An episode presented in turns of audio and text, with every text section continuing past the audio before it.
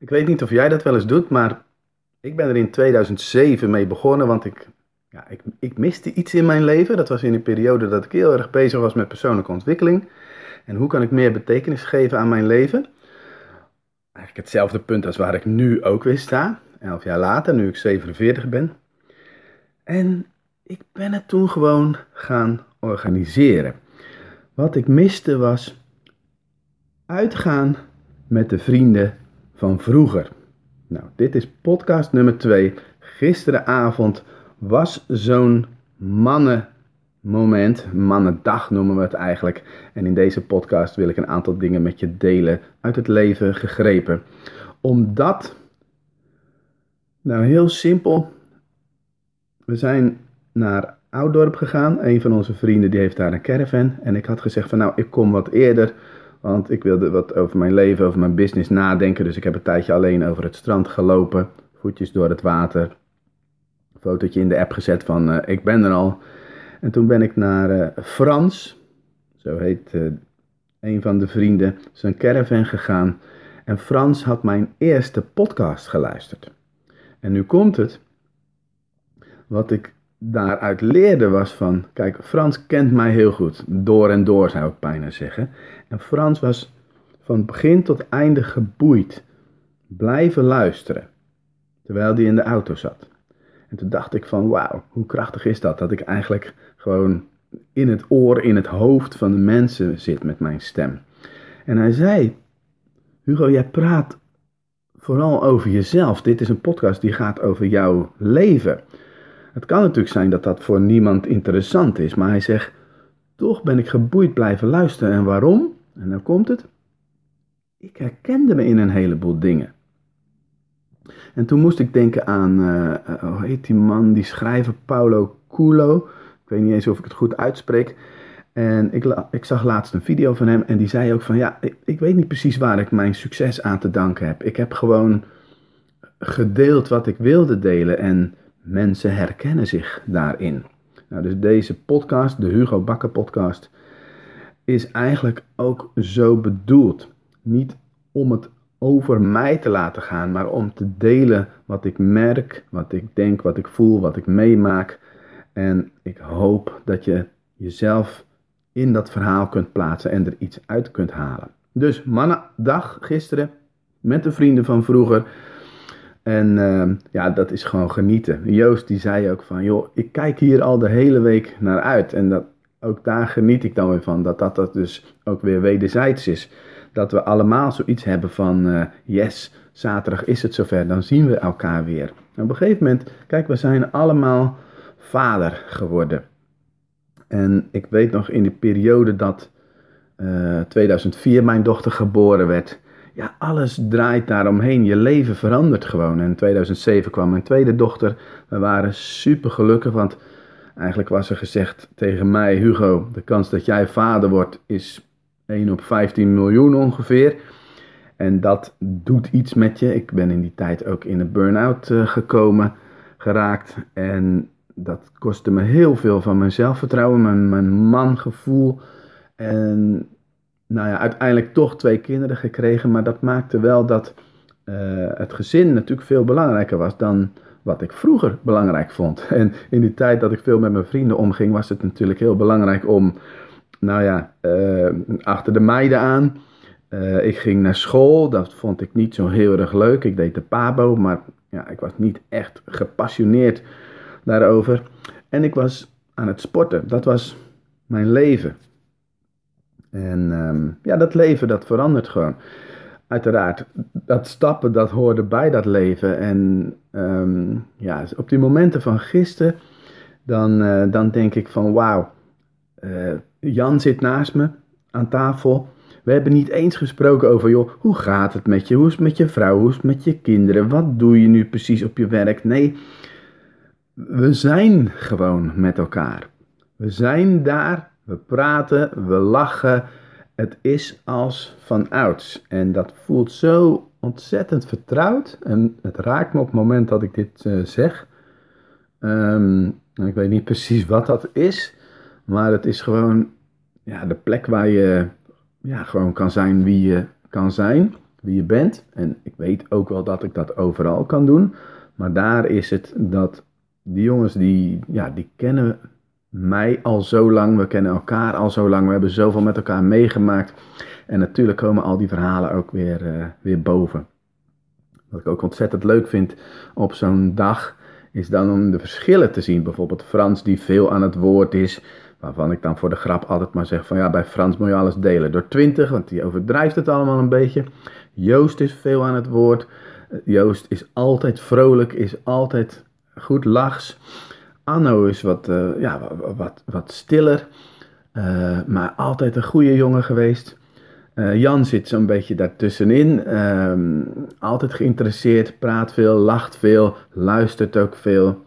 En Karel is dan vooral in mijn ogen wat, wat rustiger, wat meer luisterend. Geniet vooral van binnen. En, ehm, ja, en ik denk dat ik van alles wat heb. En um, ja, als je daar dan gewoon eens op dat moment eens bewust naar kijkt, dan is dat gewoon echt genieten. Nou, aan het eind van de avond uh, um, nog even terug naar de caravan. En um, de drie, uh, drie jongens die gingen naar huis, die hadden gekarpeld. En ik bleef nog eventjes zitten, want Frans moeder was er. En die stelde alleen maar vragen aan mij. Dus die was helemaal gefascineerd over, ja, wat doe je nou precies? Dus ja, je schrijft boeken en je doet iets met websites en, en, en dan komt er zomaar een bestelling binnen op je telefoon. Ze zegt, dat heb ik echt nog nooit gehoord. Ja, ik zeg, ja, wat ik eigenlijk doe is, ja, ik heb kennis, ik heb ervaring, uh, met name in training, coaching, maar ook in online marketing. En ik vind het gewoon leuk om dat, om dat te delen. Ze zegt, dus je geeft eigenlijk alles gratis weg. Ik zeg, nou, het klopt, ik geef heel veel gratis weg. Kijk maar deze website, kijk maar deze website. En uh, dus ze zat dat een beetje te bekijken en te lezen. Dus je geeft zomaar je boek weg. Ja, ik zeg, ja, dat is het e-book. Dat is niet het fysieke boek, maar dat is het e-book. Gevraagd worden. Dus ik zeg, ja, maar weet je, in het leven begint het gewoon met geven. Met het opbouwen van een relatie. En als mensen dan meer willen, dan zeg ik meestal van ja, oké, dat is de verdiepingstraining. Die kost zo en zoveel. Nou, ze vond het fascinerend. Ze vond het ja, heel bijzonder. Ze, uh, de kleindochter die zat erbij, een meid van 17, zei: Oh, oma, je zit bijna bij hem op schoot. En ja, het was gewoon heel vermakelijk hoe dat er eigenlijk aan toe ging. En um, toen besefte ik ook weer van ja, hoe, hoe rijk ik ben. Niet zozeer in euro's, maar in geluk. Dat ik de vrijheid heb, dat ik mag ondernemen, dat ik mag doen waar ik zin in heb, wat mijn passie is, dat ik vandaag kan besluiten om een totaal andere richting op te gaan. En dat ik binnen een paar weken weer on track ben en, en een compleet andere business, andere doelgroep, ander probleem op kan lossen en, en daar mijn geld mee verdienen. Dat het allemaal kan op de geautomatiseerde piloot. Weet je, nou ja, ik voelde echt onwijze dankbaarheid uh, op dat moment. En uh, nou, toen hebben we het ook nog even gehad over uitstellen gedrag. Uitstelgedrag. Uh, een van de mensen die erbij was, die, die, die zei ook van, um, ja, weet je, en dan, dan, dan besluit ik om op tijd de deur uit te gaan, om ergens op tijd te zijn. En dan toch lukt het me niet. En dat is dus keer op keer. En ik vind dat fascinerend, omdat ik dat natuurlijk ook zie bij heel veel ondernemers en af en toe ook bij mezelf. Ik moet bekennen dat ik dat wat minder heb. Ik stel uit op momenten dat ik dingen liever niet doe omdat ik het niet leuk vind of omdat ik het heel erg spannend vind. Dan is het natuurlijk makkelijker om uit te stellen. Dan hoef je het niet te doen, kan er niks misgaan. Maar dit, niet op tijd zijn, gewoon altijd te laat komen. En iemand anders die zei ook van ja, ik wil afvallen, uh, ik wil minder eten, maar het lukt me gewoon niet. En zonder dat ik nou uh, hier wil laten weten of merken dat ik dan weet wat er dan aan de hand is of wat de oplossing is. Want ik vind dat zelf ook best een ingewikkeld ding. Hoe kan je mensen helpen met uitstelgedrag of, of uh, dat ze zeggen dat ze iets gaan doen en het vervolgens toch niet doen. Maar wat ik zei was, joh, als jij dus zegt van ik ga op tijd weg en je doet het niet keer op keer, ja, op een gegeven moment neem je jezelf natuurlijk niet meer serieus. En die, die kwam wel even binnen. Feitelijk vertrouw je jezelf dan niet meer. En wat is funest aan jezelf niet meer vertrouwen? is dat je eigenlijk ehm, de dingen niet meer aan kunt pakken, de dingen niet meer kunt bereiken die je eigenlijk zou willen bereiken. Want, want je gelooft er eigenlijk al niet in, je vertrouwt er al niet op dat je dat überhaupt kunt. En dus is het sowieso gedoemd om te mislukken. En misschien nog wel veel erger, als jij jezelf niet vertrouwt, hoe kun je dan andere mensen vertrouwen? En misschien nog wel erger, hoe kunnen mensen jou dan vertrouwen? En als ik dan denk aan ondernemen, dan heb ik mezelf daar ook best een paar keer schuldig aan gemaakt. Dat ik bijvoorbeeld had geroepen van, uh, ik ga elke week vloggen. Elke week een vlog. En dat ik dat niet volhield en dat ik daar dus mee stopte. En daarmee maakte ik iets van een stukje vertrouwen in mijzelf kapot. Maar erger nog, de mensen die dat hadden gehoord of gezien, die denken natuurlijk van ja, uh, die Hugo die zegt dat hij elke week gaat vloggen en vervolgens doet hij het niet. Nou is het niet zo dat ik helemaal gestopt was met, met mensen helpen, met, met kennis delen, maar in die vorm in ieder geval wel. Dus waar ik um, met je over wil hebben is van, oké, als je dan iets wilt bereiken en je zegt ik ga dat en dat doen, elke week een blog schrijven, elke dag Facebook live, voordat je dat gaat zeggen, dan moet er echt een heel krachtig besluit zijn dat je dat gaat doen. En dat je er ook in gelooft dat je het gaat volhouden. En stel dat je het dus niet volhoudt, dat je wel een hele goede reden moet hebben en communiceren dat je ermee stopt. Kijk, ik durf bijvoorbeeld niet te gaan beweren dat ik elke week een nieuwe podcast heb. Maar het kan best zo zijn dat ik vaker dan elke week een podcast heb of dat ik het wel gewoon volhoud. Wat ik me in ieder geval elke dag voorneem is dat ik wil leven op een manier zoals ik dat zou doen als ik wist, weet je nog de eerste podcast als je geluisterd hebt, dat ik nog maar één jaar te leven zou hebben. En wat zou ik dan doen? Met andere woorden, wat zou ik vandaag doen als ik wist dat ik nog maar één jaar had? En vandaag is het zondag. En op zondag, ik heb drie meiden, één wat grotere en twee wat kleinere. En die houden ervan op zondag om uit te rusten. Nou, daar vind ik niks mis mee. En dat doen ze vaak in de vorm van op de bank zitten, filmpjes kijken. YouTube, televisie. Nou, op zich niks mis mee om inspiratie op te doen. Maar voor mij is dat niet de manier die ik wil leven. Voor mij is de manier is om mijn kennis, mijn ervaring te delen op een manier die bij me past. En dat is nu op dit moment podcast. Voor iedereen die het wil horen. Voor iedereen die erin geïnspireerd, eh, door geïnspireerd mag eh, raken. En ik was mijn microfoon kwijt. Oftewel, ik had afgelopen vrijdag een training gegeven. En um, uh, iemand uit het team die had de spullen opgeruimd en het microfoontje ergens onder gestopt. Dus ik was de microfoon kwijt. En dus ik was uh, naar kantoor gegaan om het microfoontje te zoeken. Niet kunnen vinden, terug naar huis, daar nog weer zoeken.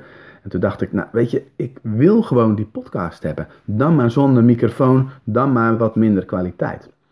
Dus ik denk, nou weet je, ik ga toch naar kantoor, daar zit ik wat rustiger. En dan kan ik die podcast opnemen. Ik denk, nou, ik, ik check nog even een paar dozen. En ja hoor, ergens onderop zat dat microfoontje. Heb ik toch nog uh, kwaliteit die ik uh, op dit moment voor ogen heb.